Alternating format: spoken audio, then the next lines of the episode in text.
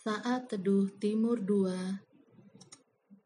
Hari Selasa 26 Januari 2021 Tuhanlah panji-panji kita.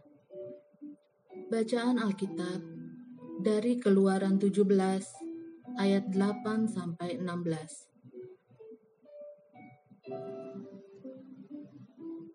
dalam Keluaran 17 ayat 10 sampai 13. Lalu Yosua melakukan seperti yang dikatakan Musa kepadanya dan berperang melawan orang Amalek.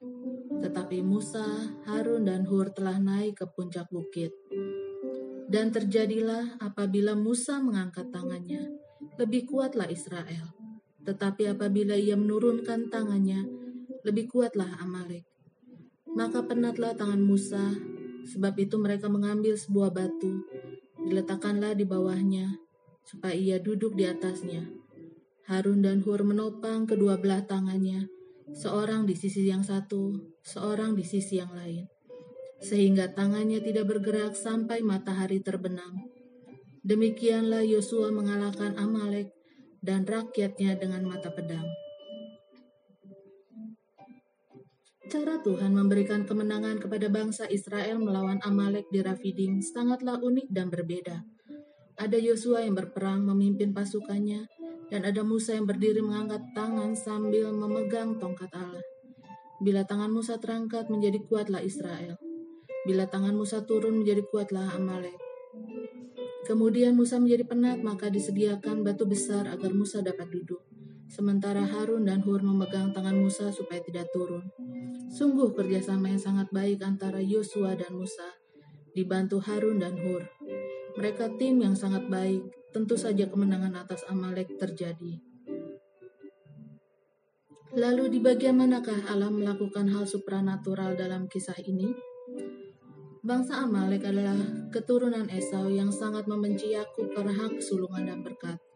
Bangsa Amalek adalah bangsa yang terlatih berperang. Mereka umumnya bekerja sebagai pemburu, dan mungkin perampok. Sementara bangsa Israel adalah bangsa yang sepanjang hidupnya adalah budak, memegang cangkul, palu, atau mengangkat batu, suka bersungut-sungut, tidak disiplin, tidak mempunyai senjata bagus. Mereka baru saja lepas dari peperangan antara bangsa Mesir dan mereka menang tanpa pertempuran. Bahkan bisa dibilang tidak punya pengalaman perang. Jadi secara hitung-hitungan, peperangan antara Israel melawan Amalek pastilah dimenangkan oleh bangsa Amalek. Namun perhatikan apa yang terjadi pada saat bangsa Israel diserang. Yang pertama, Musa memilih Yosua menjadi panglima tertinggi untuk berperang. Dulu, waktu peperangan melawan bangsa Mesir, Allah sendiri langsung turun tangan. Mengapa sekarang Tuhan tidak juga langsung yang berperang melawan Amalek?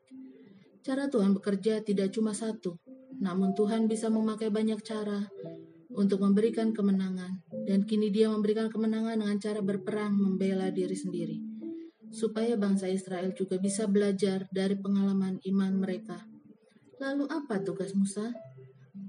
Dalam ayat 9, Aku akan berdiri di puncak bukit itu dengan memegang tongkat Allah di tanganku. Sebagai catatan, di zaman dulu orang-orang berdoa dengan cara mengangkat tangan. Jadi Yosua berperang dan Musa berdoa. Musa naik ke atas puncak bukit supaya bisa dilihat oleh orang Israel. Di sana Musa mengangkat tongkat Allah dengan tangan terangkat. Tongkat pembuat mukjizat yang telah memerintahkan tulah-tulah Mesir dan membawa bangsa Israel berjalan keluar dari perbudakan. Tongkat yang diacungkan untuk membelah Laut Merah, mengeluarkan air, Tongkat ini diangkat untuk memberikan semangat kepada bangsa Israel.